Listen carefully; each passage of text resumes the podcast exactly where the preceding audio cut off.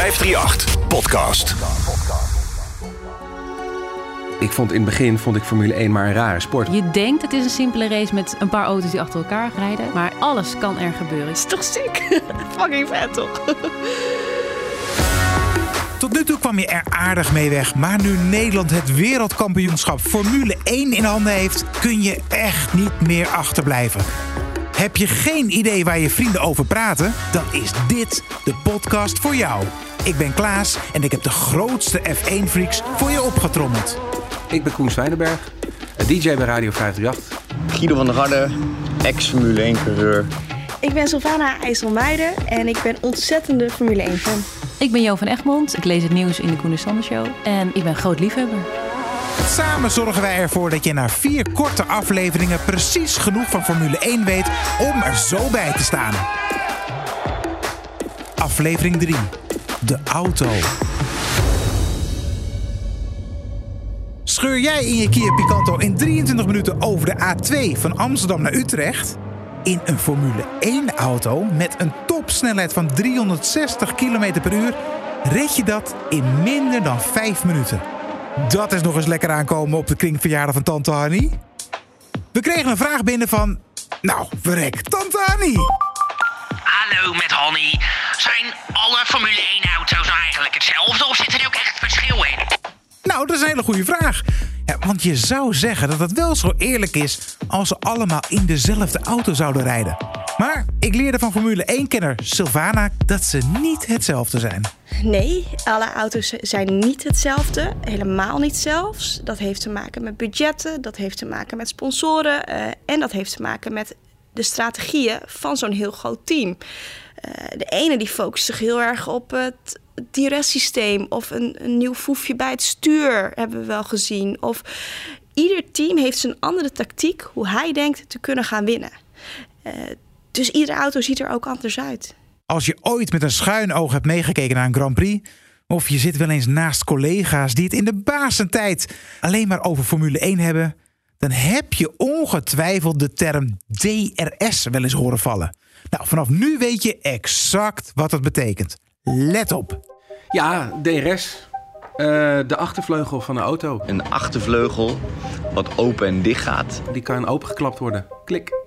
En... Je ziet het ook op beeld als je goed ja. kijkt. Uh, het werkt eigenlijk alleen maar als je binnen één seconde van je competitor uh, ligt. Op het circuit heb je zeg maar DRS-zones. En dat betekent dat je op dat moment ploep. Dan kan je een knopje indrukken op je stuur. Gaat je DRS open, dus je achtervleugel gaat open.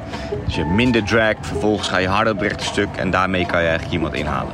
Dus stel, Lewis Hamilton rijdt voor Max. Max zit binnen die secondes, die zit eigenlijk vlak achter. Dan komt er een lang recht stuk, de DRS-zone. Dan mag Max gebruik maken van zijn DRS en Lewis niet. Dus Max heeft dat, op dat moment het voordeel. En dan is de bedoeling dat wij thuis op de bank of, of op het circuit een mooie inhaalactie gaan zien. Maar het is eigenlijk, als je het mij vraagt, is het gewoon een beetje vals spelen. Mijn naam is Jeremy en ik heb een vraag aan Klaas. Um, hebben Formule 1 auto's ook uh, winterbanden? Nee, nee, maar houd die gedachte even vast. Kijk, winterbanden onder jouw auto zorgen er namelijk voor dat je meer grip op de weg hebt en dat je, als het heeft gesneeuwd, de rotonde dus niet rechtdoor neemt. Maar ze slijten wel wat sneller en dus sta je voor je het weet weer bij de garage. Bij Formule 1 auto's werkt het eigenlijk net zo. Alleen vinden ze compounds dan een gavere naam voor banden. Je hoorde Guido dit al zeggen in de eerste aflevering. Uh, je hebt uh, eigenlijk de, de, de, de, harde compound, de medium compound en de zachte compound. Je moet twee van de compounds moet je rijden. Koen legt uit. Je hebt uh, soft is rood, dan heb je medium is geel en hard dat is wit. Oké, okay, dat doen we meteen nog een keer. Je hebt uh, soft is rood, dan heb je medium is geel en hard dat is wit. En eigenlijk is het zo dat ik heb hier overigens ook lang over gedaan voordat ik het een beetje snapte hoor met die, al die banden. Maar de softe band die gaat korter mee, dus die is sneller versleten. Dus je moet sneller weer overgaan op nieuwe banden. Maar je kan er wel harder op rijden. Ja, de kracht zit hem in de herhaling. Uh, Sylvana legt het nog één keer uit. Eigenlijk is dus de rode band de zachtste band zit het dichtst tegen het rubber aan, dus gaat het allersnelste. Dus als je met de rode band gaat, ga je het allersnelste. Het nadeel van de rode band is dat hij ook het allersnelste verslijt. Dus het kan zomaar zijn dat jouw rode band het niet haalt. Waardoor je misschien, één keer een bandenwissel moet doen, maar misschien wel twee keer. En uh, de, de harde band, ja, daar, met name het eerste stuk, als je net die banden hebt verwisseld, ja, kun je er nog niet zo hard op. Uh, maar je kunt er wel langer op doorrijden. En dat maakt ook weer uit per circuit. Maar Jo kan dit allemaal heel goed uitleggen. Nee, nee ik, zit, ik zit niet te luisteren naar jou. nee, ik vind dit ook altijd heel lastig. Kijk, wij zijn natuurlijk gewoon... Uh, uh, wij zijn gewoon gek van de sport. Maar het zijn zoveel technische dingen... die ja, je kan niet alles, altijd alles uh, begrijpen. Ja, zelfs de echte fans hebben er soms nog moeite mee. Dus voel geen druk. Je leert het vanzelf. Koen gaf me nog als tip om goed te luisteren naar de commentator tijdens de race. Vanaf dit seizoen gaat er trouwens iets belangrijks veranderen rondom de banden. Daarover hoor je meer in aflevering 4. De banden kunnen onderdeel zijn van je wedstrijdtactiek. Als jij te vroeg of te laat een pitstop neemt, en je band, dus je banden wisselt, en je komt in het tragere verkeer terecht, dan verlies je heel erg veel tijd. Daarom moet je een pitstop en een bandenwissel heel strategisch bepalen. Want jij wil niet tijd verliezen in de Formule 1, want elke seconde is er eentje. De bandenstrategie die is te bepalen. Vooral de timing van de pitstop die is heel erg belangrijk, omdat je bij een verkeerde timing in drukker verkeer terecht kan komen. Ook kun je je concurrent dwingen een pitstop te maken, omdat jij er net eentje hebt gedaan. Dat heet dan een undercut. En dit houdt in dat je eerder naar de pits gaat voor nieuwe banden dan de coureur voor je. Op nieuwe banden kan je harder rijden en dus win je tijd ten opzichte van coureurs die nog geen nieuwe banden hebben. Deze tijdswinst kan ervoor zorgen dat de concurrent even later, als hij ook een pitstop gemaakt heeft, je niet voorbij is gekomen. Hey Klaas, um, kun jij me uitleggen wat nou precies de Halo is? Ja, goede vraag. Ja, een paar jaar geleden is inderdaad een nieuw onderdeel toegevoegd aan de auto, de Halo.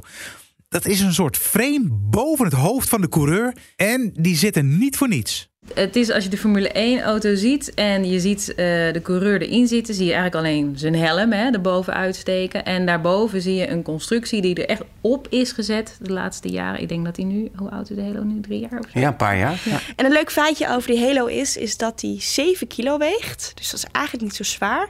Maar hij kan een bus houden van 12.000 kilo. Dus dat is een. Uh, is toch sick? dus dat is fucking vet, toch?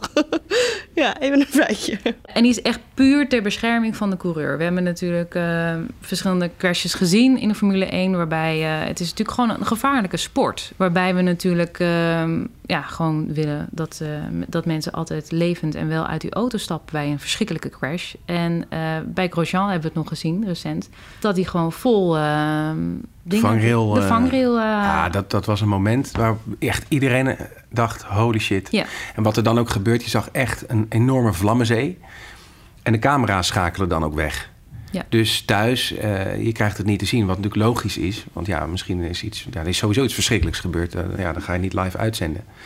Maar zonder die halo zonder die Halo had hij het waarschijnlijk niet, niet gered. nee, en, het, en, en wat je ook had, is dat de Halo was ook echt wel een discutabel ding. Want uh, niet alle coureurs waren er voorstander van, vonden het onzin, noem maar op. En ik denk ja. eigenlijk dat na de crash met Grosjean ja. wel echt iedereen het erover eens is. Oké, okay, die Halo heeft zijn nut uh, ontzettend bewezen.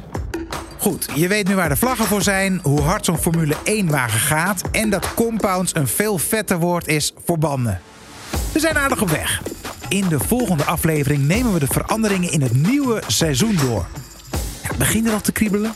Goed nieuws, want op Radio 538 win je kaarten voor de Formula 1 Heineken Dutch Grand Prix.